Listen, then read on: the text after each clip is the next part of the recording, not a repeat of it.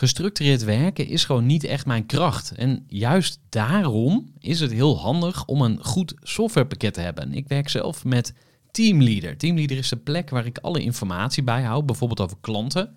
Waarin ik offertes maak en verstuur en die digitaal laat ondertekenen. Waarin ik facturen verstuur, waarin ik lijstjes bijhoud, waarin ik projecten kan managen, waarin ik standaard e-mails kan programmeren. Kortom, ik gebruik Teamleader om alle werkprocessen van mijn bedrijf te stroomlijnen. En zeker ook als je met een team werkt, is het heel fijn om over dezelfde informatie te beschikken. Nou, als je ook benieuwd bent of er mogelijkheden zijn om jouw bedrijf meer te stroomlijnen, of je nu alleen werkt of met een team, ga even naar teamleader.nl slash groeivoer en je kunt dan vandaag nog een trial starten voor twee weken lang, gratis. En je kunt Teamleader volledig uitproberen. En na de proefperiode krijg je ook nog zo'n leuke korting als luisteraar van Groeivoer. Ga naar teamleader.nl slash groeivoer. Hey, van harte welkom bij een van de oudere afleveringen van de Groeivoer podcast. Toen ik net begon in 2019 ben ik begonnen met mijn inner circle van bevriende ondernemers. En ik was echt een rookie. En ach ja, we zijn uiteindelijk allemaal natuurlijk rookies in dit leven. Maar we ontwikkelen ons ook. En in de afgelopen 100 afleveringen heb ik heel wat bijgeleerd over podcasten, interviewen, goede vragen stellen. En is het format ook steeds beter geworden. Dus als jij een van de vroege afleveringen van de Groeivoer podcast hebt aangeklikt, dan zou ik je zeker de tip geven om ook even naar een nieuwe aflevering te gaan. En dan ben ik heel benieuwd wat je daarvan vindt. En natuurlijk kun je deze aflevering ook gewoon lekker verder luisteren, geen enkel probleem. Welke keuze je ook maakt, heel veel luisterplezier met deze aflevering of een van de nieuwe van de Groeivoer podcast. Groeivoer. Groeivoer. Groeivoer. Zoek je inzicht, inspiratie voor je eigen bedrijf. Wil je elke dag iets leren? Luister dan naar Groeivoer. Welkom bij de Groeivoer podcast. Mijn naam is Gerard de Velde en in deze aflevering van de Groeivoer podcast spreek ik met Hans van Hartskamp. Hans is sociaal ondernemer en begon op zijn 49ste een wel heel speciaal schildersbedrijf, Dove Kwasten. Dove Kwasten zet mensen met een gedeeltelijke of totale gehoorsbeperking in voor schilderwerk. Ik praat met Hans over zijn persoonlijke missie en zijn groeiambitie. Het bereiken van een landelijke dekking door middel van franchise. Hans legt uit waarom sociaal ondernemerschap balanceren op de rand van de afgrond met een mes in je rug is. Veel luisterplezier met deze aflevering. Voor de kennis en ideeën van een interessante gast. Die zijn verhaal met jou wil delen. Luister je naar Groeivoer. Ik ben Hans van Hatskamp. Ik heb een schilderbedrijf. Ik ben het enige schilderbedrijf in Nederland wat schildert met nagenoeg dove mensen. Ik heb nu, op dit ogenblik zijn we met z'n negenen met mij erbij. Waarvan vijf man, zeg maar, doof zijn. Eh, is er eentje die, uh, die slechthorend is en oorzuizen. En eentje die uh, ouderdomsdoofheid. En ik ben zelf ruim gediept schilderen. En ik heb een schilderbedrijf. Mijn vader was slechthorend, mijn jongste broer is slechthorend, mijn oom was doof. Ik ben pas op mijn 21ste aan gehoorapparaten begonnen. Mijn spraak nu is niet meer te vergelijken met op mijn 16e. Op mijn 16e was het drama. Maar doordat ik dus uh, gehoorapparaten gekregen op mijn 21ste, dan ga je ook, krijg je de juiste informatie binnen. En als je de juiste informatie binnenkrijgt, dan kan je het ook veel beter uitspreken. Dus mijn spraak is niet meer te vergelijken met, uh, met op mijn 16e. Ik ben nu 54. Ik heb rond mijn 40ste twee zware motorongelukken gehad. Ik heb mijn heup verbrijzeld, bovenbeenbreuk en ik heb zware artrose in mijn knieën. In die revalidatieperiode ben ik weer naar school toe gegaan. Ik heb een commerciële opleiding gevolgd. En ja, dan maak je de stap, want ik, ik praat nu vrij makkelijk en ik leg ook vrij makkelijk contact. En uh, dan maak je de stap naar, naar de sales. Ik heb tien jaar in de sales gezeten. Ik ben tien jaar vertegenwoordiger geweest. Ik heb van alles verkocht wat je maar kan bedenken eigenlijk. En uh, bij mijn laatste werkgever was ik, uh, ja, zeg maar. Je wordt ouder, weet je, eigenwijs, eigenzinnig. En toen dacht ik van ja, weet je, ik ga met mijn tien jaar saleservaring ga ik een schilderbedrijf beginnen, maar er moet toch gewerkt worden. Er moet toch brood op de plank komen. Maar dan doe je het met tien jaar sales en dan ga je op een andere manier ga je tegen het schildersvak aan kijken. Maar ook toen die tijd, in 2015, was dus de participatiewet die kwam. En toen dacht ik ja, weet je, als je doof bent, je kan gewoon schilderen. Dat is eigenlijk ook een onderscheidend vermogen. 100% aantoonbaar een onderscheidend vermogen. En daaruit dacht ik van, nou weet je, dat gaat beginnen. Maar ik ben ook in de WW terechtgekomen toen. Dus vanuit de WW ben ik gestart. En ik had mijn bedrijfsplan ook gemaakt. En ik had de basis genomen van twee dove mensen. Daar krijg je dan subsidie op. Ik mocht voor mijn eigen beginnen. Dat wil heel graag, hè, want dan ben je uit de WW. Ja. Maar die subsidieregelingen, en tot heden dan dagen, krijg ik niet. Dus maar ik ben toch wel doorgegaan. En ik heb ook wel geluk gehad met de jongens die ik nu heb. Hoe, hoe, eh, hoe kom je aan die jongens? Waar heb je die ontmoet? Nou ja, je zou normaal gesproken denken dat je het UWV belt en je zegt van... joh, luister eens, ik ben eh, een schilderbedrijf met dove mensen. Ik heb dove mensen nodig. Dat kan je in Nederland vergeten, want het UWV die heeft niks. Oké. Dus alles wat bij mij werkt, Mhm. komt uit mijn netwerk. En dat loopt uiteen van jongens die hun waaijong kwijtgeraakt zijn, nooit in een schildersvak gezeten hebben, in de, in de groenvoorziening, maar wel schilder waren vanaf hun eh, vijftiende.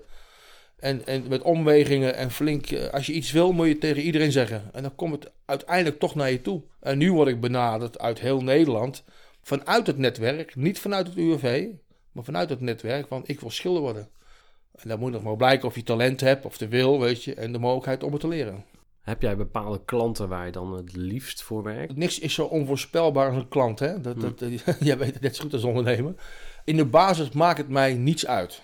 Maar mijn ervaring nu, want ik ben sociaal ondernemer. Ik doe het met dove mensen. Ja. Ik ben de perfecte oplossing voor de bouwbranche voor het invullen van het social return verhaal. Ja. Maar ik merk in Nederland wel, als het om knikkers gaat, dan valt dat sociaal return zo van tafel. En daar lullen we nergens meer over. En dat is zowel bij de overheid als bij het UWV of wat dan ook. Kiezen die particulieren ook bewust voor jou, omdat ze het verhaal mooi vinden of het heel mooi? Eh, dat is divers, want er zijn mensen die zeggen: oh, Ik heb gewoon een schilderbedrijf nodig, ik bel je op. En toevallig ben je dan iemand met dove, met dove, dove mensen. Ik merk nu wel het trend, want ik, ik, ik rammel heel erg veel aan, aan media. Eh, als je iets wil, moet je tegen iedereen zeggen. Ik merk nu wel na zes jaar dat het netwerk mij begint te benaderen. En ook via BNI, weet je, dat is ook een heel groot professioneel netwerk. En dan zie je dus als je andere chapters gaat bezoeken, dat de gunfactor, die is dan wel hoog. Maar ik probeer de gunfactor ook te kweken, hè, want het is niet zo dat je in één keer dat hebt. Hè. Je moet het wel kweken bij klanten. Hoe pak je dat aan? De manier van werken is, ik, laat ik zeggen, ik probeer, hè, want het is altijd je probeert. Dus er- komt een telefoontje, maak een afspraak. Er komt een eh afspraakbevestiging per mail. Dat lukt me niet altijd, weet je, maar ik probeer het altijd wel. In die mail zit dan weer mijn eh, digitaal foldertje zit erbij. En dan zien ze eigenlijk al wie ik ben en wat ik doe. Dus dan begin je eigenlijk al met het, het, het creëren van de gunfactor. Nou, dan, dan kom je bij de klant, die doet je... En dan 9 van 9 van de 100 keer begint het dan over die dove jongens. Nou, en dan leg ik het een beetje uit hoe ik begonnen ben. En dan, dat, dat is kweken. En dan ben je nog helemaal niet aan het schilderwerk toe, maar dan ben je aan het kweken van de gunfactor. En bij particulieren ligt dat best wel hoog. Ja, de particulier is ook heel erg gereserveerd met het uitgeven van geld. Iedereen moet hard werken voor zijn centjes. Ja. En schilderwerk kost nu eenmaal, als je te laat bent, veel geld. Maar ik zeg dan, het past niet in je budget, maar het kost wel geld. Want Ja. ik kan zomaar eens 2000 euro verder zijn. Maar we hebben pas geleden een particulier gehad. En die had een woning en daar waren we 25.000 euro verder. Dus die extreme, die hebben we gewoon. De gunfactor wordt wel, wel gekweekt door mij. Door Ja. allerlei manieren. Door ook op LinkedIn, Facebook, op allerlei manieren. Ben je al op de Nederlandse radio geweest, bij BNR bijvoorbeeld? Ja, dat was wel leuk trouwens. Want dat ging, eh, hoe, die bij mij gekomen zijn, weet ik niet. Eh, Ergens in het netwerk is er iemand geweest die op mij geattendeerd heeft. Maar het is ook maar een heel klein stukje. Hè? Want eh, inhoudelijk is er genoeg te vertellen over het sociaal ondernemen hier in Nederland. Dat is een, echt een killingveld, zeg maar. Want het is, het is eh, ondernemen op de rand van de afgrond met een mes in je rug. Wat, wat bedoel je daarmee? Sociaal ondernemen wordt naar buiten toe in Nederland, in de media, heel mooi naar buiten gebracht. Even opgesteld, er zijn hele goede instanties, goede stichtingen die fantastisch mooi werk doen. Maar het is ook één grote brei van, van wanorde aan certificeringen, stichtingen die zich bezighouden met, met eh, sociaal ondernemen. Maar eigenlijk, als je het allemaal terug gaat ventileren en terug gaat brengen naar nul, dan zitten ze eigenlijk allemaal puur op de centen. Want ze weten gewoon dat eh, in die sociale ondernemerschap wereldje in Nederland, daar zit heel veel subsidie. Ja, ik, eh, ik moet denken aan de term greenwashing. Hè? Dus bedrijven die duurzame initiatieven gaan doen om een beter imago te krijgen. Er zijn ook bedrijven die dus een sociaal bedrijf willen inhuren om daar dan een goede sier mee te maken. Bedoel je dat? Of? Ja, laat ik het even zo zeggen. In Nederland, zover mijn kennis nu gaat, heeft de wetgeving geen verplichting opgelegd om je eigen te onderscheiden als sociale onderneming. Ik ben zelf slechthorend, hè? Ik ben een 110% een sociale ondernemer. Ik heb geen subsidie om de jongens het vak te leren. Er zijn een heleboel stichtingen in Nederland die brengen certificaten uit. Die certificeren jou omdat jij een sociale ondernemer bent. Daar hangt dan een certificaat aan. Daar hangt ook even een prijskaartje aan, hè? want ik zal de naam niet noemen, maar om die certificaat te krijgen en eh, aan de punten te voldoen, waar ik makkelijk aan voldeed, 1800 euro, hutje. En er moest nog even een auditje komen van eh, 175 euro per uur. Buiten de kilometerkosten om. En dan ga je eigen afvragen van, wat is de meerwaarde wat je maar nu gaat brengen met die certificering? En dan kom je terecht dat het eigenlijk helemaal niets is. En dit soort commerciële stichtingen, die zijn, ik geloof dat er iets van 400 zijn in Nederland. Er zit wel een bepaalde kern van, van waarde in om te onderscheiden. Maar in dit geval zijn er zoveel. Weet je, die, de, de, de overheid heeft daar gewoon de markt vrij in gegeven. En als je nou echt vraagt, wat is het onderscheidend vermogen daarin? Niets. Je bent als bedrijf al onderscheidend. Er zit zoveel subsidiegeld in. En dat gaat vaak ook naar de verkeerde plekken toe. De- overheid houdt ook geen rekening met mij. Er is geen aparte eh, belastingschijf voor de sociale ondernemer. Er is helemaal niks. Dus aan de ene kant moeten we sociaal ondernemen. Je ziet zeker de sociale ondernemers die geen steun krijgen. Maar er wordt de overheid geen rekening mee gehouden. Dus het is topsport. Op de rand van de afgrond met een mes in je rug. Zijn er veel dove mensen die werkloos zijn? Is Ja. het voor dove mensen moeilijk om aan het werk te komen? Het is, eh, de cijfers is heel moeilijk. Het Centraal Bureau voor Statistieken heb ik op de bel gehad en op de mail. Ze kunnen niet 100% zeker zeggen hoeveel doven er in Nederland zijn. Het is wel een getal dat 10% van de Nederlandse bevolking mankeert iets aan het oor. Dus slechthorendheid, doofheid, hyperacusius, tinnitus, dat soort dingen allemaal. Maar een echt goed getal kunnen ze niet geven. Ik heb laatst een, een, een bedrijfsplan even samengesteld. Dat was voor iets anders. Maar toen moest ik even weer onderzoek doen. Toen kwam ik er een beetje achter. En dat was door de cijfers te krijgen van een aantal reïntegratiebedrijven. Die overigens wel die subsidie allemaal krijgen. Hè? En daar kwam op een gegeven moment een getalletje uit. Dat er zo'n beetje 600.000 doven zijn in Nederland. Waarvan meer dan de helft thuis loopt. Oh joh. Dat is, dat is een hoop, hè? En eh, hoeveel van die mensen zouden geschikt zijn om te schilderen? Of hoeveel zou je Ja, er, dat is moeilijk, eh, want weet je, het is een dove. Het legt er helemaal aan wat zijn intellect is Ja. en wat, uit wat voor nest die komt. Ewout Hetema, dat is een dove man, komt uit een doof gezin waarvan zijn moeder verschrikkelijk fel is. En die zei werken met je donder en leren. Die is nu ondernemer.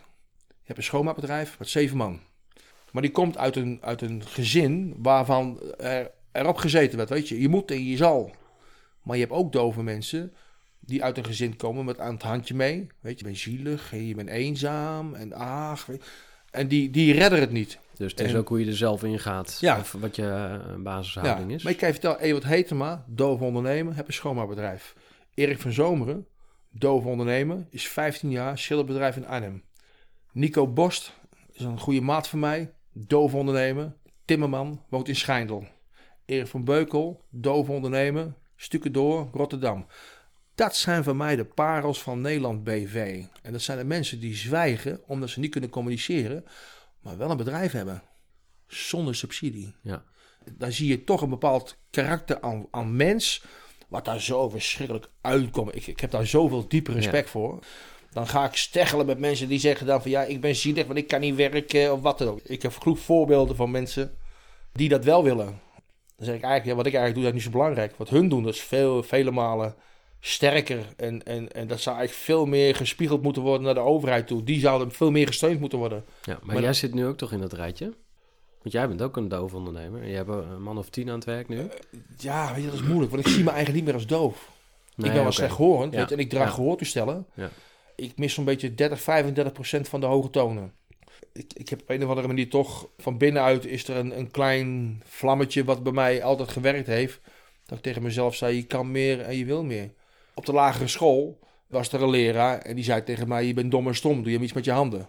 Dat zeg je tegen een jochie van 12, weet je. Ik steek mijn middelvinger op naar die leraar. Ongelooflijk. Ik verafschuw hem, dat zeg je Ja, niet tegen ja, een jongen ja, van ja. 12. Maar daar put ik wel kracht uit om, wat ik nu wil, een landelijke dekking met een franchise, weet je, om dat voor elkaar te krijgen. Kan je daar wat meer over vertellen? Je, je gaat landelijk uitrollen. Ja. Dat is je Mm. ambitie. Toverkasten.nl is, dat, dat is een schilderbedrijf, dat staat op zich. En dat werkt hoofdzakelijk in het centrum van Nederland en binnen de drie grote steden. Maar ik merk dus, omdat die doven overal wonen En financieel technisch kan ik ze nooit allemaal naar het centrum van Nederland toe halen. Dus nu wil ik juist het werk zoeken in Friesland, Groningen. En dat gaat ook werken met de partners die ik nu gevonden heb. Dus ik zoek franchise-nemers die uh, willen onderscheiden met dove mensen. Want dove mensen die willen dolgraag werken. Alleen ja, je moet even door die barrière heen van gebarentaal, van Ja. communiceren. Want jij spreekt gebarentaal? Ik spreek ondersteund je- gebarentaal. Je, je kunt, eh, je beheerst Ja, het. ja. Gebarentaal is een HBO-opleiding van vier jaar. Daar beginnen we niet meer aan, weet je. Dat zie ik niet meer zitten. Maar ik leer het van hun. En, en op zo'n manier, ik ben nu zes jaar aan de gang. Dus eh, ik heb zes jaar eigenlijk dat ik één op één met hun eh, spreek. En elke dag leer ik weer. Maar dat is de enige, als je, als je ervoor open staat om samen te werken met een doof iemand. En je kan het vertrouwen van hun winnen. Want een doof is van nature uit heel wantrouwig. Dus als ik naar jou kijk en je hoort me niet praten en we staan in groepjes. Dan denk je altijd dat je het over jou hebt. Weet je, nou, met een dove is dat in factor 10. Als het niet factor 100 is. Maar als je ze goed instrueert en je zorgt dat ze erbij horen, is er niks aan de hand. Alleen dan gaan we weer. De ene dove is de andere niet. Want er zit ook nog, ik heb ook nog een dove die ook nog autistisch. Dus dat is, dat is moeilijk. Daar leer ik ook mee omgaan. Dat heb ik een andere manier van leiding geven. En als je daarvoor openstelt, weet je, dan, dan is het geen probleem. Als een mens wil, dan is alles mogelijk. Even een korte onderbreking met een belangrijke vraag aan jou. Want wat heb jij geregeld voor het geval je van de ene op de andere dag zou komen uit te vallen? Wat gebeurt er dan met je bedrijf, maar vooral wat gebeurt er met jou persoonlijk en ook in financieel opzicht? Samen met ASR voerde ik drie openhartige gesprekken over tegenslag en veerkracht. En dat deed ik met Saskia, Vincent en Pieter. Ondernemers met een bloeiend bedrijf die van de ene op de andere dag niet meer konden werken. En die verhalen hoor je in aflevering 256, 257 en 258 van deze podcast. Als ondernemer wil je natuurlijk niet uitvallen. En daarom is het belangrijk dat je veerkrachtig bent, want voorkomen is beter dan genezen. En als het dan toch misgaat, is het fijn dat je iets geregeld hebt, zodat je weer snel door kunt met ondernemen. Wil je weten hoe veerkrachtig jij nu bent? Vul dan in twee minuten de veerkrachttest van ASR in. Ga naar asr.nl slash veerkrachttest ondernemers. En je zegt van, ik ga, ik ga landelijk eh, uitrollen, hè, dus ik ga groeien door middel van franchise. Hoe, hoe selecteer je franchise-nemers? Dus de mensen die voor je concept gaan draaien in andere regio's? Ja, ik heb gekozen voor soft franchise. De marketing, Ja, mijn netwerk, ja, de logo, mijn naam, die is gedeponeerd. Dus Mhm. niemand kan meer aan mijn naam komen. De PR, social media. dat doe jij allemaal Dat centraal? doe ik allemaal zelf. Dat regel jij? Ja. Ja. ja. Ze stappen in op twee manieren. Ik heb twee partners gevonden waar een continuïteit van, van werk uit kan komen. Door het hele jaar heen, door heel Nederland. Dus als een franchise-nemer zich bij mij aansluit, dan krijgt hij gelijk een Ja. heleboel werk van mij. Die controle van die, die documentenstroom, die doe ik ook. Want ja, er moet ook een fee afgedragen worden en dat soort dingen allemaal. De fee en de instapgelden zijn vrij laag. Want ik hecht veel meer waarde aan dat het concept werkt. En dan wil, wil ik wil je dat delen? Hoeveel procenten moeten ze afdragen? die stapt op 5%? twee manieren in bij mij. Ja. Eh, even als voorbeeld. Aankomende maandag zit ik bij twee mogelijke franchise-nemers. De ene die heeft wat meer te besteden dan de andere. De ene is al ondernemer. Eh, dat is een horende, die, die ze Ja. eigenlijk onderscheiden. Nou, ja, daarvan zeg ik, jij stap in, dat kost je 5000 euro. En 5% elke maand van je omzet. Dat is de deal. Dat is de basis.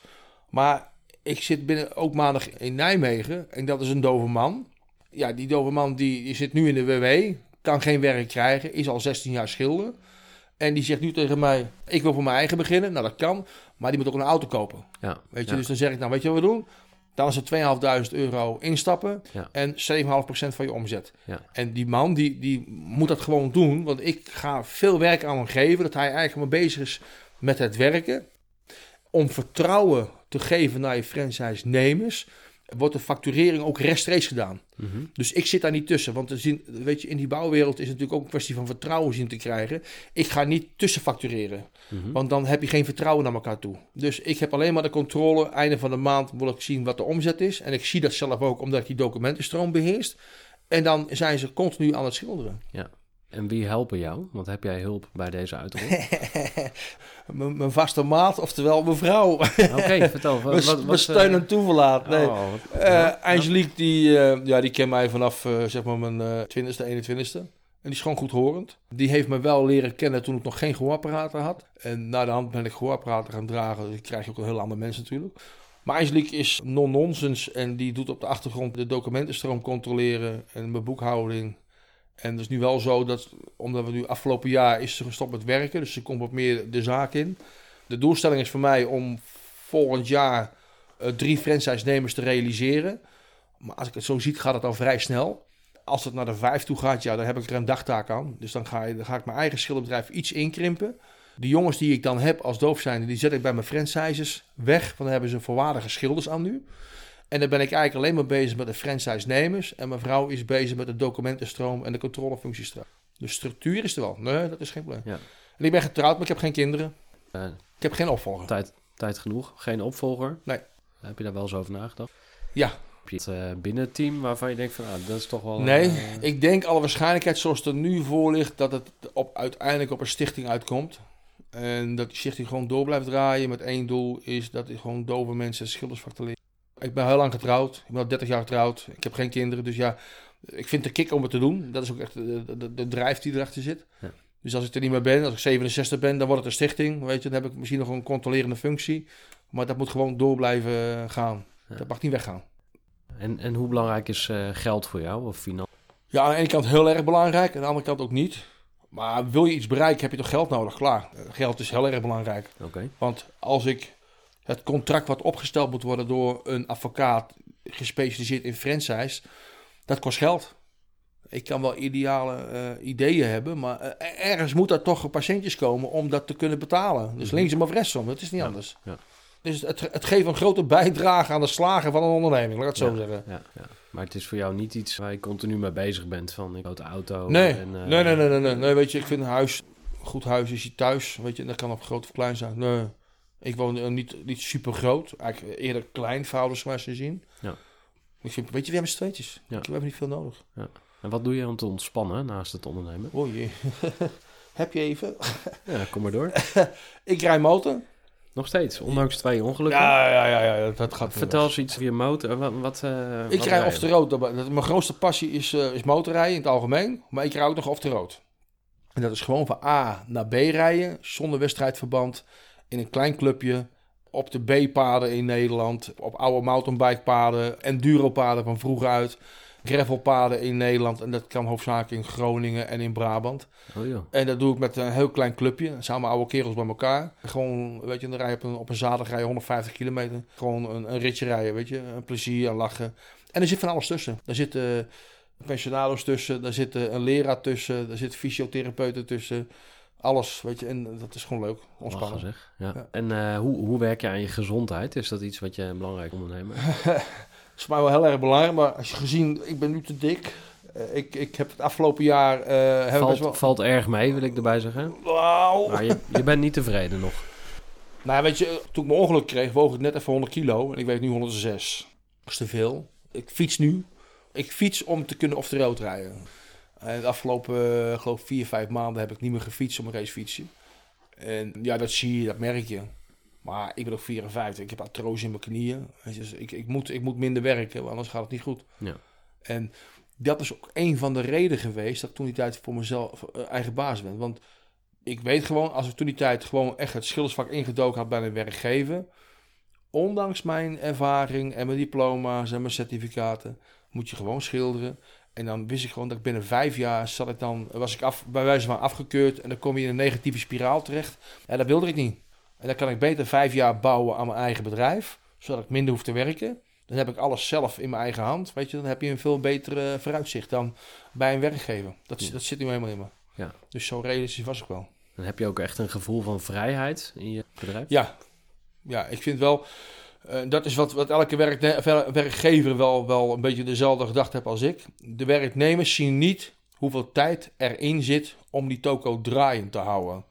En men veroordeelt en beoordeelt heel vaak van jij zit in die auto, jij rijdt naar klanten toe.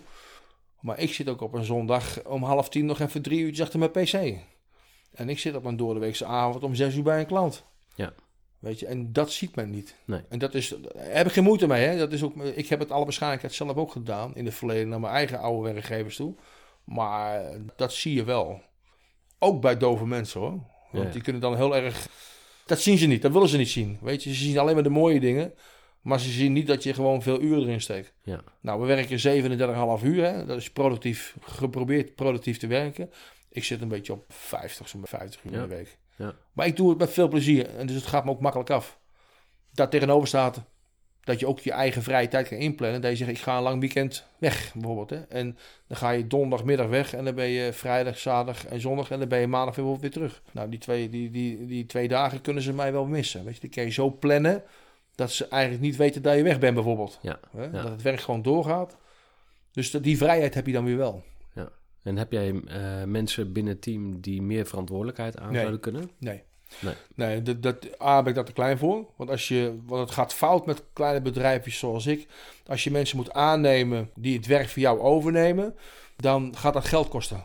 Ja. De marge in de schildersbranche is klein. Oké, want wat zijn tarieven waar je mee rekent, normaal gesproken?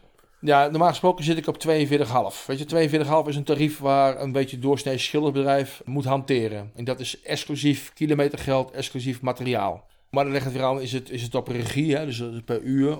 Ja, en hoe werk je het liefst? in het algemeen neem ik het toch wel aan. Want naar de klant toe kan ik dan zeggen, weet je, dit is de prijs. Geen verrassingen achteraf. Geen gezeik, geen onderhandelen, niet touwtrekken over het Ja, dat, dat is altijd zo. En dat Oh, is bij mij, ja, ja, dat is bij mij nog veel meer. Dat wil je niet weten. Want ze denken allemaal dat je subsidie krijgt. En dat is gewoon niet zo. En hoe los je dat op? Dit is mijn verhaal. That's it. Take it or leave it. Maar je vertelt ook meteen je tarief. Of tenminste... Nou, je- nee, weet je, als ik bijvoorbeeld naar een huis toe ga. Ik, van de week moest ik in Culemborg bij eh, een mevrouw wezen. En ik kijk, ik zie de aantal strekkende meters. Ik zet daar een strekkende meterprijs tegenover en ik kom een prijs uitrollen. Dan heb ik de prijs. En dat is het dan. Er is altijd misschien wel wat ruimte. Er moet bijvoorbeeld nog een, een, een schuurdeurtje gedaan worden, weet je, en dat soort dingen allemaal. Maar ik probeer wel duidelijk aan te geven, ik krijg geen subsidie. Nee. Gewoon niets. Nee, nee. Weet je, en, en, Nee, dus mensen verwachten dat het misschien goedkoper is. Van, ah, je bent Ja. een social enterprise of je werkt Ja. met eh, mensen met een Daar box ik nu tegenop. Ja. Oké, maar als je dat van tevoren heel duidelijk zou melden... van, hé, hey, ik eh, kom graag langs, maar even voor de duidelijkheid... mijn tarieven zijn gewoon Ja, dat kan ik niet. ja, als van een schilder. ja, maar ik kan dat niet van tevoren zeggen. Want dan komt Dan er een bepaalde spanning in dat gesprekje. Hè? Dus in dat vertrouwen. Dat is meestal gewoon tijdens het gesprek aan tafel. Want dan ga je je pitch houden. Je, je riedeltje van wie je bent en wat je doet. En voor Ja. wie je gewerkt hebt. Want ik heb ook vooral voor het leger des Heils gewerkt. Aha. De Stichtse Rijnlanden. Dus overigens zijn we al twee keer geselecteerd voor de Nationale Schildersvakprijs. Dus schilderen kunnen we echt wel hoor. Ja, Dus- ja, ja. maar dat, dat riedeltje doe je pas op het moment als je bij de klant zit. Want dan kan je kijken aan de mimiek van de klant en de interactie krijgen of je op het juiste moment het juiste moet zeggen. En dan zeg ik ook wel, ik krijg geen subsidie. Nee. En dat gebeurt wel eens dat ze zeggen, ah jammer. Nou, als ze dat zeggen, ja, dan weet ik al voldoende. Weet je? Dan, dan, dan zeg ik gewoon, dit is mijn prijs, dat zit. En dan wordt het vaak ook niet. Ik heb zelf een bedrijf gehad, Mijn Student. En wij deden klusjes bij mensen in. En wij werkten heel veel voor particulieren. Ik had altijd een groep klanten die koos voor ons omdat ze dachten, oh, die zijn lekker goedkoop. En dat waren de mensen die alleen eh, met de prijs bezig waren. En dat waren mijn minst favoriete klanten. Ja. Klanten die alleen maar op, de, op een goedkope prijs uit zijn. Hoe, hoe ga jij daarmee om? Nou, je ziet nu wel de trend bij mij dat het, die type klant begint nu veel meer te komen. Maar dat komt toch? omdat ik, dat ik tegen iedereen loop te brullen, jongens. Want ik krijg geen subsidie om de jongens het vak te leren. Dus ik zie nu wel een trend steeds meer komen dat de klanten naar mij toe komen die zeggen: Oké, jongen, ik wil je uitschilderen, klaar. Ja, Ik zie nu ook, want ik ga nu mijn zes jaar, klanten die voorheen, de goede klanten voorheen, die komen nu weer terug. Ja. En dat is ook wel lekker. Dus, dus, Ah, dus ja. in het begin had ik heel veel klanten die zeiden van ja, maar je krijgt een subsidie. Ik zei nee, dat is niet zo. Forget Nee, it. nee. En de regelgeving in Nederland is dermate een grote brei dat je daar ook bijna niet meer uitkomt. Ik begin er nergens meer aan. Nee. Ik heb het ook nu afgesloten. Afgelopen winter heb ik ook gezegd, ik, ik stop ermee. Weet je. Ik ga niet meer vechten voor die subsidie, want die krijg ik toch niet. Ik ga wel kritisch zijn en dan ook steeds meer. Maar ik merk ook dat klanten, bijvoorbeeld Etienne uh, Roderijs is degene die bij de franchise eh, nemen gaat worden in Zuid-Holland. Maar ik merk wel daar dat daar een andere beleving is met sociaal ondernemen dan weer hier in Utrecht. En dat zijn hele kleine dingetjes, ook deurtjes die open gaan waar je dan weer toegang hebt tot een ander netwerk. In Zuid-Holland is dat toch iets makkelijker. enig idee waar dat dan ligt? Ik denk dat de nood van mensen die in de bijstand, waar, jong, whatever wat, dat het daar groter is dan weer hier in het centrum van Nederland. En dat merk ik ook bij het UWV. Hè? Dat is dus heel raar. UWV hanteert landelijke nationale regels. Die zijn overal hetzelfde. Ik vind het slecht omdat elke branche heeft zijn eigen problematiek om het invullen van een social return. Maar ik merk als ik met mensen praat van het UWV in het centrum van Nederland en met mensen praat bijvoorbeeld in Groningen of in Zoetermeer, dan zie je dat de bereidwilligheid verschillend is. Hm. En dat is soms moeilijk te accepteren, want de regels zijn eigenlijk, je krijgt het niet. En dan zie je toch dat het op een of andere manier, ben je aan het, aan het, aan het sparren om zo iemand toch aan de gang te krijgen. Ja. Weet je? En eh, m- mooi voorbeeld, Albertina. Albertina is een grote Surinaamse man. Hele lieve, aardige man. Die moet nog beslissen of hij links of rechts wil gaan schilderen. Nou, volgens de regels mag je maar twee maanden proef. En daarna moet er een vast dienstverband komen of een contract aanbieden. Deze man, die moet hele, 36 hè, die moet helemaal van nul af opgebouwd worden. Of hij nog links of rechts gaat schilderen. Hoe kan ik dan met al mijn ervaring die ik heb, dan in twee maanden beslissen of zo'n jongen capabel genoeg is om het schildersvak te leren? Mhm. Dat kan niet. Dat. Ik kan hem alleen maar toetsen op de wil. Ik heb wat moeten strijden om dat voor elkaar te krijgen. Oké, ik heb hem nu een half jaar bij me gehad en ik zie een groei. Maar dat heeft, dat heeft tijd nodig. Ja. Weet je, een volwassen, eh goedhorend iemand met een gezond intellect is vier jaar bezig om een vakvaste schilder te worden. Deze jongen is zo doof als een kwartel. Een hele lieve aardige jongen. Weet je, maar die moet alles nog leren. Hoe moet hij moet schuren? Want we praten hier over professioneel schilderwerk. Nou, en dan met zo'n gemeente Leidschendam in dit geval. Moet ik keihard knokken om het voor elkaar te krijgen. Om een jongen langer bij me te houden. Om het te kunnen toetsen en te kunnen observeren of die capabel is. Nou, en dat stukje heb ik wel voor elkaar gekregen weer in Leidschendam. Met heel veel moeite. Maar ik krijg dat niet in het centrum van Nederland hoor. Dat kun je wel vergeten. Nou, en nu is het mooi. Zuid-Holland, dat gaat starten in, eh, in 2019. Eh Etienne Roderijs, die gaat de kaart trekken in Zuid-Holland. Die woont in Zoetermeer. Etienne die gaat nu naar hem toe. Dat zijn nu eigenlijk twee maatjes van elkaar geworden in het half jaar. En nu gaat hij verder groeien. En nu begint het eigenlijk pas om een professionele schilder te gaan worden. En dan moet je heel hard knokken om een half jaar proef te krijgen. En dan zeggen ze ja, je krijgt een half jaar gratis. Ja, maar je moet dus weten in het half jaar telt dat dubbel. Want je moet die jongen begeleiden. Want het denken, ja, het Ja. denken van een dove zit anders in elkaar. Dove mensen zijn niet gek. Maar logisch, rationeel denken zijn bij sommige dove mensen nog wel eens problematisch. En dat is logisch denken, vooruitdenken, plannen, vragen. En dat zijn allemaal dingen, onzekerheid, niet begrijpen. Als ik tegen jou zeg, die blauwe deur bij mevrouw Jansen in Beeldhoven, die is verregend, die moeten we even overnieuw schilderen. Weet je hoe een dove dat zegt? Blauwe deur, jij weet. En dan kijk ik op de app. Waar heet je nou over? Waar heet nou over? Ik niet begrijp, want doven die praten heel kort en beknop. De, het en een bestaat eigenlijk niet. En dus ik vraag dan, ja, ik begrijp niet. En dan zeggen ze meestal wel de plaats. Oh, wacht even, Beeldhoven. Ja, weet je, die blauwe deur, die weet ik dan wel. En zo communiceer je dan. Maar ook gebarentaal is ook heel kort en beknopt. En de ene die is zo snel met gebarentaal dat die halve gebaren neemt. En de andere die heeft wat meer rust en die, die neemt weer hele gebaren. Dus dat is best wel moeilijk hoor. Het is niet, ma niet makkelijk hoor. En, en hoe, hoe zou ik aan eh, dove medewerkers kunnen komen? Stel, ik maak- Netwerken. Je hoeft niet bij het UWV aan te komen, want dat kan je wel begrijpen. Nee, precies. Die, die, Want er zijn, weet je, buiten het UWV heb je in Nederland een heleboel reïntegratiebedrijven. GGMD, Kentales, FTA, eh, noem ze allemaal maar op. En die zijn wel bezig met het reïntegreren van dove mensen. Daar moet je het zoeken. Het mooiste is rechtstreeks misschien. Of via via. Dus dat je gewoon iemand Nou, kent moeilijk, iemand kent. Want je moet ook eh, rechtstreeks moet je ook, want ze zitten 9 van 10 keer bij een reïntegratiebedrijf. Ja. Zo'n reïntegratiebedrijf wil eigenlijk ook die doven bij zich houden. En waarom? Omdat het varieert per dove. Hè? Een dove, als je die op basis van 1500 uur kan wegzetten bij een werkgever, dan beurt de, wat krijgt de reïntegratiebedrijf ongeveer, ik, is even, per, per dove is het verschillend, hè? tussen de 2 en de 3000 euro in één keer zo. Hutje. Dan krijgen ze nog een vierde bij. Dan krijgen ze subsidie op. Mooi verdiend. Ja, maar wij krijgen niks. En wij Ja. leren een vak. Ja. Wij leren een vak. En wat En- ik wel een rode draad in jouw verhaal vind, is dat je eigenlijk vooral op jezelf aangewezen bent. Ja. Dus in jouw ondernemerschap ben je zelf in control. Dus jij moet het regelen. En Ja. je moet vooral niet te veel tijd besteden aan overheden, instellingen. Niet meer. Uh, maar dat is wel een les voor jou ook van de afgelopen zes jaar. Ja. En hoe kijk je dan naar de toekomst? Dus de doelstelling dat ik in vijf jaar een landelijke dekking heb. Dus in elke provincie wil ik één franchise-nemer hebben.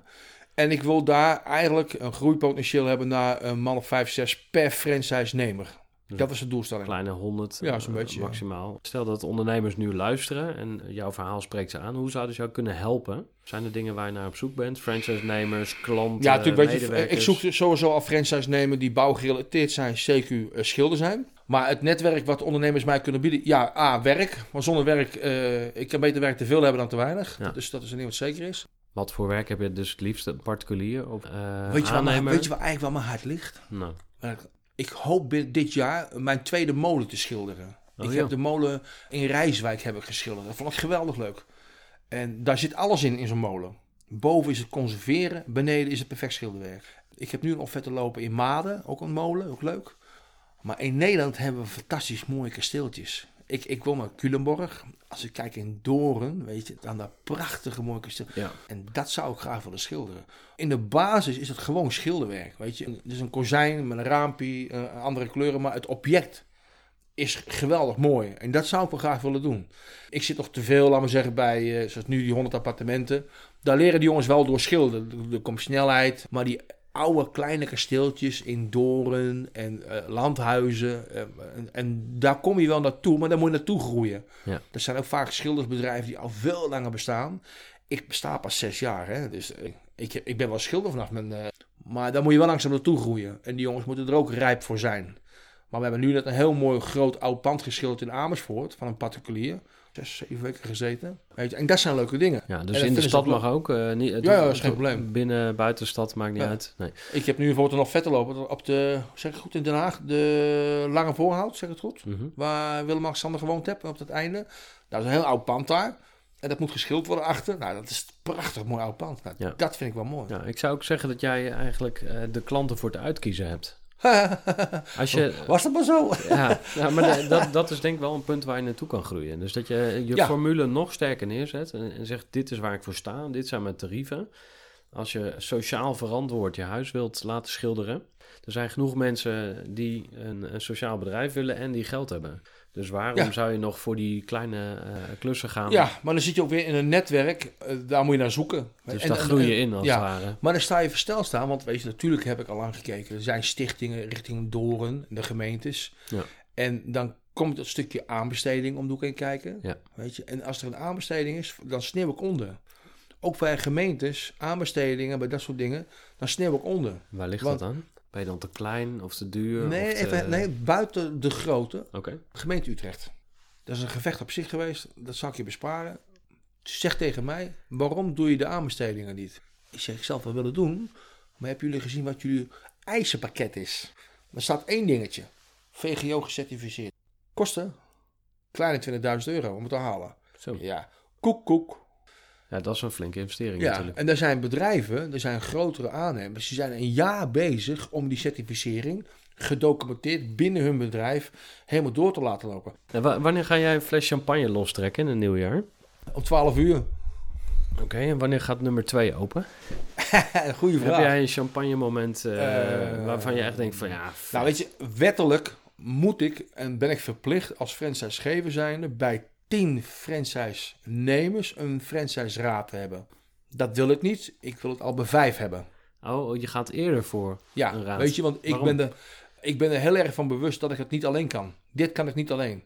Mijn eerste franchise nemen, Etienne Roderijs, goede vent, weet je. Die is ook net zo gedreven als ik, want ook een beetje mijn manco. Alle inzet die ik van mezelf heb, wil ik eigenlijk ook van mijn mede-collega's hebben. Maar daarom denk ik ook, als die vijfde franchise-nemer zich aansluit, dan gaat er een fles open. Ja, Ja. Dan wordt het bevestigd, mijn gedachtegang. Want mijn waarheid is voor mij de waarheid, maar dat zegt er niet dat het de waarheid is. En bij de vijf is het, wel, eh, is het eigenlijk al zes keer bevestigd van mezelf uit. En vijf franchise-nemers. Ja, en dan gaan we landelijk. Dan ga ik wel even een flesje openen. Ja, ja, ja, ja. ja. Je reflecteert op, ja, op jezelf eigenlijk, wat je net ook zei, van ik weet niet alles. Zijn er mensen in je leven waar je veel van geleerd hebt? Ja, dat, is niet, dat zijn diverse mensen. A, mijn vader natuurlijk, weet je, want eh, hij is nu al heel lang overleden. Dus je merkt nu dat je ouder wordt, dat eh, sommige beslissingen van een slechthorend iemand, die zijn op basis van hele andere eh, redenen gedaan dan een horend iemand. En Casper Jansen van de Haalduurgroep, Wie is dat? dat, is, dat was mijn, zeg maar, directe directeur. Als hij dit zou horen, dan legt hij de deuk. Een heel gedreven iemand in de sales. Verschrikkelijk punctueel. Een groot ego. Maar die heeft me wel bijgebracht in die hele korte tijd dat verkopen is een vak. En verkoop is mensenwerk. Ongemerkt heeft hij meer indruk op gemaakt, denk ik, dat hij eh, zelf zou bedenken. En een heleboel dingetjes zoals hij handelde, neem ik mee nu in mijn verkooptraject en de manier van spreken naar klanten toe. Dus die elevator pitch en dat soort dingen allemaal. Maar ik leer ook van de jongens. Weet je, dat, en ik leer ook van klanten. Van die jongens leer ik elke dag. Als je daar niet voor open staat, weet je, dan uh, het is, het hakken aan je eigen ruwe steen. En uiteindelijk worden we een zuivere kubiek, hè? Dan uh, Ja. kan je in het bouwwerk mee. Ja. En, en dat is eh, wel mijn dingetje. Maar het is moeilijk spiegelen, hoor, want je maakt ook fouten. Natuurlijk maak ik fouten. Als je geen fouten maakt, maak je niks. En hoeveel uur sta je nog met een kwast in je hand? Ik heb het afgelopen jaar, denk ik, in percentages hmm, 75% wel aan de kwasten staan en 25%. Vind je dat leuk? Nee, ik, word wel, ik vind de commercie wel leuker. Ja, dus het bouwen van een bedrijf en met klanten bezig zijn en Ja. een hele interactie. Het netwerken, Ja. dingen voor elkaar krijgen. Ik vind dat leuker dan... dan eh, ik, ik kan nog steeds genieten van een prachtig stukje schilderwerk. Maar als je echt aan mij, als, als je nu aan mij vraagt, wat voor vak leg je nou, vind je nou echt leuker? Dan vind ik de commercie, dus de sales, vind ik leuker. En heb je een soort afbouwplan van eh, eh, wanneer je gaat stoppen met eh, echt zelf schilderen? Als het financieel technisch kan. Ik probeer dus inkomsten te krijgen uit schilders, schildersbedrijf. En inkomsten uit eh, de franchise. Nou, als dat bij elkaar voldoende is, dat ik niet meer hoef te, te schilderen. Ja, dan ben ik de eerste die al gelijk al stopt. Ja, ja, En dat is wel de bedoeling. dat is wel een punt waar je naartoe werkt. Ja. Eh, nog even over communicatie, want eh, daar hebben we het nog niet over gehad. Maar hoe praten die jongens onderling met elkaar? Gewoon gebarentaal.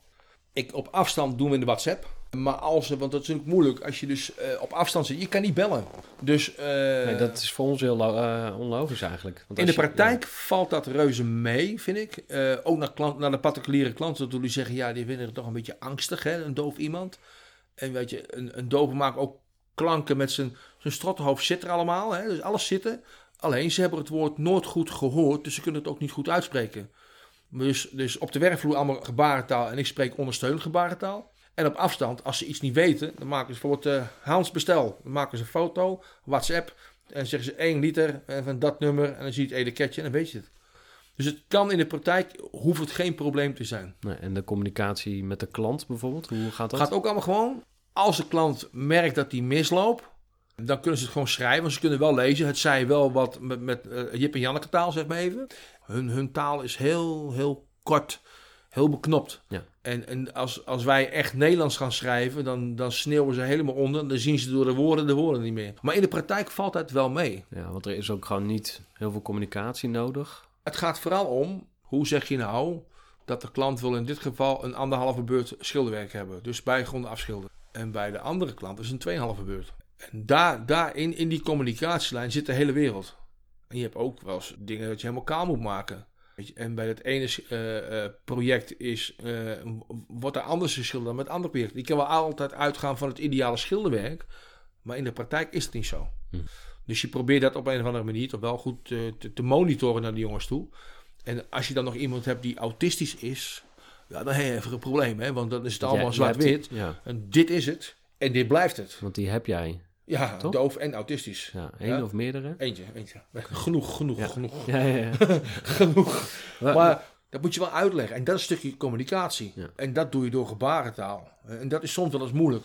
Ja. En daarin moet je dus een vertaalslag maken. En dat is elke keer weer opnieuw. En jij bent Kom. daar dus ook in gegroeid, denk ik. Ja, weet je, in het begin, zoals Danny, die is licht autistisch. En in het begin dacht ik, je gaat eruit. Ik ben zat. Eh, je stopt ermee. Je gaat eruit. Eh maandag ben je het laatst. En toen had ik, ik, ik, bij elke dove heb ik contact met een van de familieleden. Oh ja. Dus ik belde dus de vader van Danny op. Ik zeg, hoe kan ik die jongen op mijn spoortje krijgen? Weet je, ik heb ook bij mijn oude werkgevers gewerkt. En ik heb ook 15 horende schilders aangestuurd. Geen probleem, weet je, mijn vinger in mijn neus. Maar een autist die doof is, weet je, dat is een heel ander verhaal. Dus toen zegt zijn vader tegen mij... Ja, maar weet je dat hij lichte vormen van autisme heeft? Ik zeg, oh, wacht even. Ah, weet je, nou valt het kwartje bij mij, weet je. Dus toen ben ik gaan lezen... En ik, ah, werkt dat zo en zo en zo en zo. Oké, weet je. Dus toen ben ik hem anders gaan, gaan aansturen. Het is nog steeds een pain in the ass hoor, weet je. Want gisteren hadden we werkoverleg en ik denk van, ah. Maar weet je, laat me even gaan, weet je. En dan komt het wel. Maar je. dan is hij heel kritisch bijvoorbeeld, of... eh, Nou, het is allemaal zwart-wit. Het is gewoon Mm. zwart-wit. En dat, dat is het niet altijd. Weet je? Dus dat is best wel moeilijk met hem hoor. En eh, we hebben nu, eh, we hebben nu even, hadden we gisteren even een kleine korte werkoverleg. Maar in de tweede of derde week van januari, dan zit er een doventolk bij, want dan gaat het wat sneller. Dan kunnen de jongens ook wat makkelijker communiceren dan mij. Jij steekt daar geld in. Ja, het kost geld. Dus zo'n zo'n doventolk kost geld. Dus eh, zo simpel.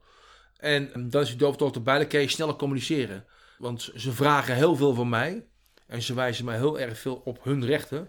En dat kan, dat mag, daar hebben ze alle goed recht op. Maar andersom is het ook zo. Ik vraag ook van hun wat. Ja, en dat spelletje, dat, dat begrijpen ze niet. Als ik zeg tot half vier werken, dan is het tot half vier werken. En niet tot vijf voor half vier. Dan leg ik niet wakker voor die vijf minuten voor half vier weggaan. Maar ik leg wel wakker als je dat het hele, het hele jaar doet. Ja. Van al die vijf minuutjes bij elkaar is een hele hoop geld. En eh, zijn er manieren waarop je bouwt zeg maar, aan de team spirit? Of, of het gevoel van wij, Nou ja, doen beetje- dit dat- samen? Dat is op zich ook wel moeilijk, want Betters, die was als eerste schilder die bij mij. Betters heeft een tijdje bij de sociale werkplaats gewerkt. Had zijn privéleven niet op een rit zitten, is weer teruggegaan. In die periode dat hij even bij mij werkte, kwam zijn aangetrouwde neef bij mij werken, Johan. Eh, Johan werkt nu vier jaar bij mij. Ik kreeg meer werk. Johan had een vriend, Danny. Die is er ook bijgehaald. En nu zit eh Betters weer op een goede spoor. Die is ook weer terug. Er is een generatie die gewoon aan elkaar geklikt is. Want er zijn maar een aantal dovenscholen in Nederland. En ja, daar zitten ze op. Je hebt er eentje in eh Zoetermeer zitten, Rotterdam, Sint-Michiel-Gestel en Groningen. Ja. Dus links maar rechtsom. Er is een bepaalde lichting die elkaar gewoon kent. Ja. Maar heb je het gevoel dat jij dan daar... Is het een beetje een kliekje of zo? Tenminste, zo klinkt het nu Doven van- zullen altijd los, los van de horen zijn. Altijd. Het wantrouwen bij een dove is dermate groot. Dat moet verschrikkelijk lang moet dat groeien om dat te krijgen. Heb je het gevoel dat ze je nu al... eh, Ja, er is wel een hele grote verbetering. Ja, ja, ja, ja. Weet je, er zijn momenten dat, dat hun s'avonds om een uur of zeven mij appen dat ze een probleem hebben. Ja, ik ben daar niet de werkgever die, en zeer zeker niet die sociale ondernemer die dan zegt van nee, het is nu na zeven, je hoeft mij niet meer te appen. Weet Ja. je, dat doe ik niet. Ja. Maar eh, ik, ik, ik heb wel mijn eigen voorgenomen dat ik volgend jaar wel wat harder word. Weet je, Eh, officieel is het zo. Bijvoorbeeld vrijvragen is, is gewoon twee weken van tevoren aanvragen. Ja. En niet twee minuten voor zaterdagavond. Nou ja, Dus dit het- is toch een vraag, is het een redelijke vraag of niet? Eh, als er over, overmacht is of... Ja, maar een, even als voorbeeld zijnde.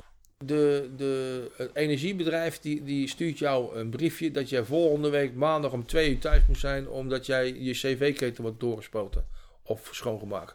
Nou, die jongen die moet werken en die werkt tot half vier. Dus die kan wat terugmailen, maar er zit een no reply op.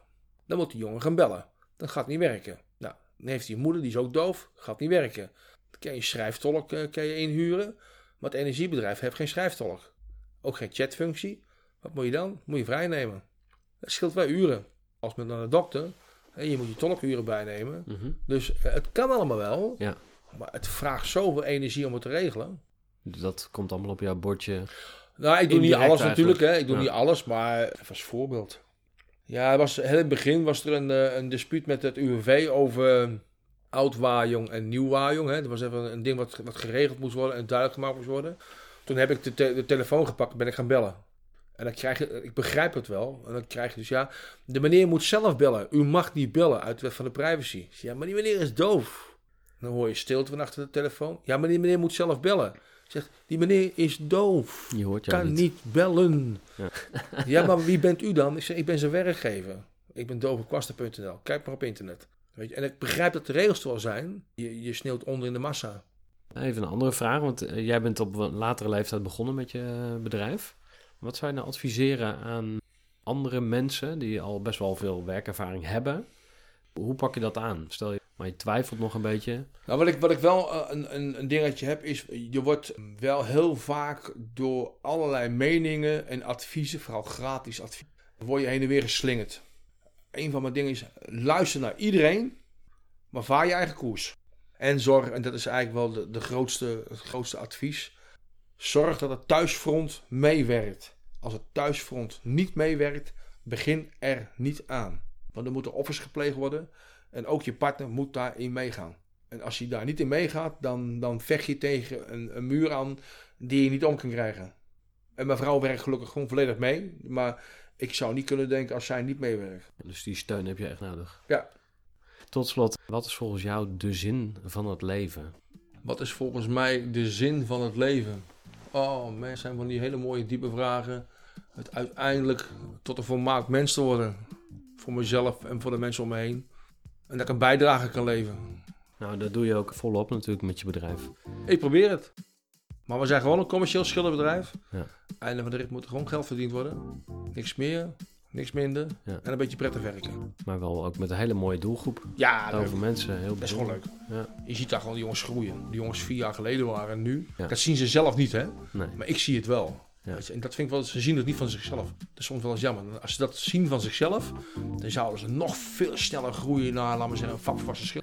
Maar dat zijn ze nog niet. Weet je, ze moeten, hebben nog veel steun nodig, dat wel. Nou, we zouden nog uren door kunnen praten, Geloof maar het we wel, ja. laten het hierbij. Hans, ontzettend bedankt. Dank je. En wij gaan elkaar zeker nog spreken. Ik hoop het. Dank je. Gooi voor.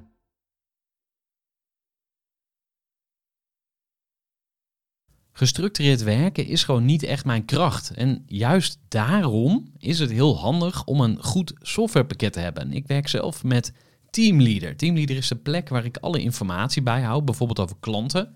Waarin ik offertes maak en verstuur en die digitaal laat ondertekenen. Waarin ik facturen verstuur, waarin ik lijstjes bijhoud, waarin ik projecten kan managen, waarin ik standaard e-mails kan programmeren. Kortom, ik gebruik Teamleader om alle werkprocessen van mijn bedrijf te stroomlijnen. En zeker ook als je met een team werkt, is het heel fijn om over dezelfde informatie te beschikken.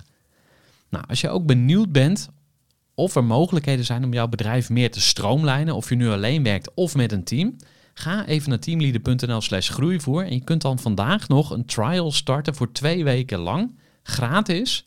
En je kunt Teamleader volledig uitproberen. En na de proefperiode krijg je ook nog zo'n leuke korting als luisteraar van Groeivoer. Ga naar teamleader.nl slash groeivoer.